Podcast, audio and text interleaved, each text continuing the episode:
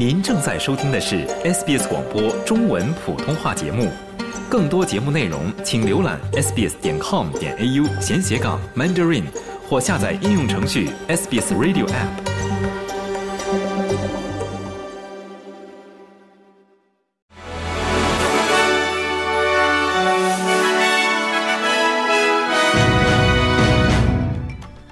听众朋友们，下午好，我是 SBS 记者秋实。今天是二零二四年一月二十五日，周四。本期 SBS 新闻快报的主要内容包括：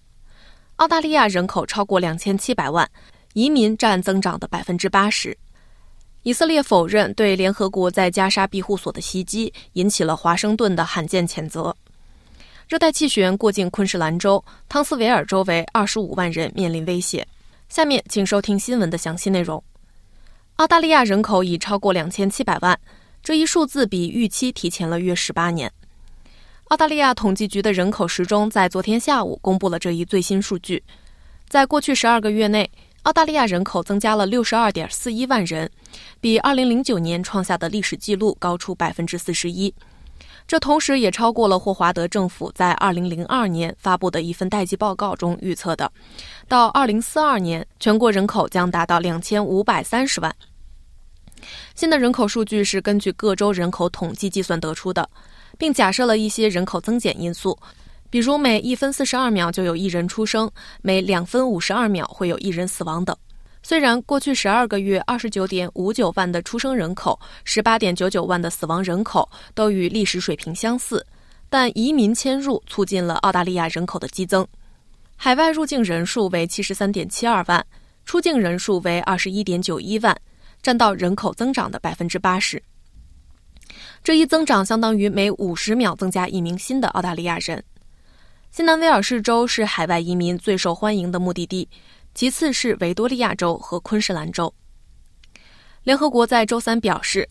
以色列的坦克袭击了联合国在加沙为流离失所的巴勒斯坦人提供庇护的一个巨大院落，造成了大规模的伤亡。但以色列回应否认了其军队的责任，并暗示这可能是由于哈马斯发动的袭击。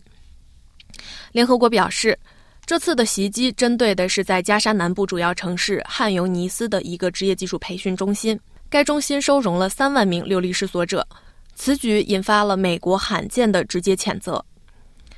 联合国近东救济工程处加沙事务主任怀特表示，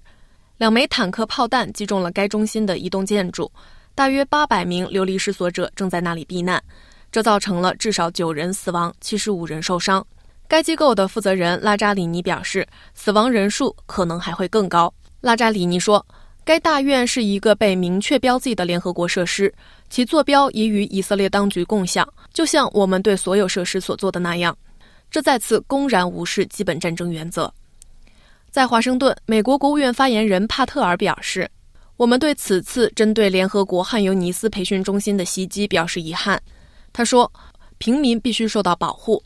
联合国设施的受保护性质必须得到尊重，人道主义工作者也必须受到保护，以便他们能够继续为平民提供他们所需的救生人道主义援助。以色列军方最初发表声明，将更广泛的汉尤尼斯地区描述为哈马斯武装分子的基地，并承认战斗发生在大量平民附近。在华盛顿提出批评后发表的第二份声明中，以色列军方表示。在对其操作系统进行检查后，排除了以色列部队袭击该中心的可能性，并补充说，全面审查仍在进行中，以检查此次袭击是否是由于哈马斯的袭击造成的。超过二十五万昆士兰人被警告做好准备，以应对热带气旋基里利的登陆。气旋可能会带来高达两百毫米的降雨量和每小时一百四十公里的大风。最新的模型显示。今天晚上十一点之前，它将穿越汤斯维尔，强度将达到二级。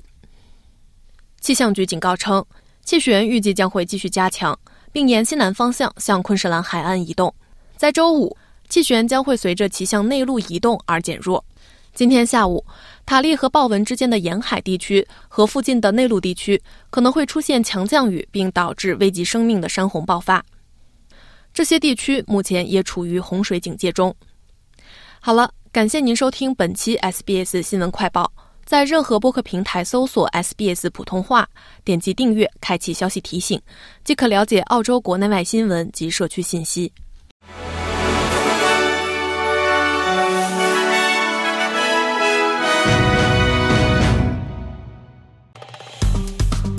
喜欢、分享、评论，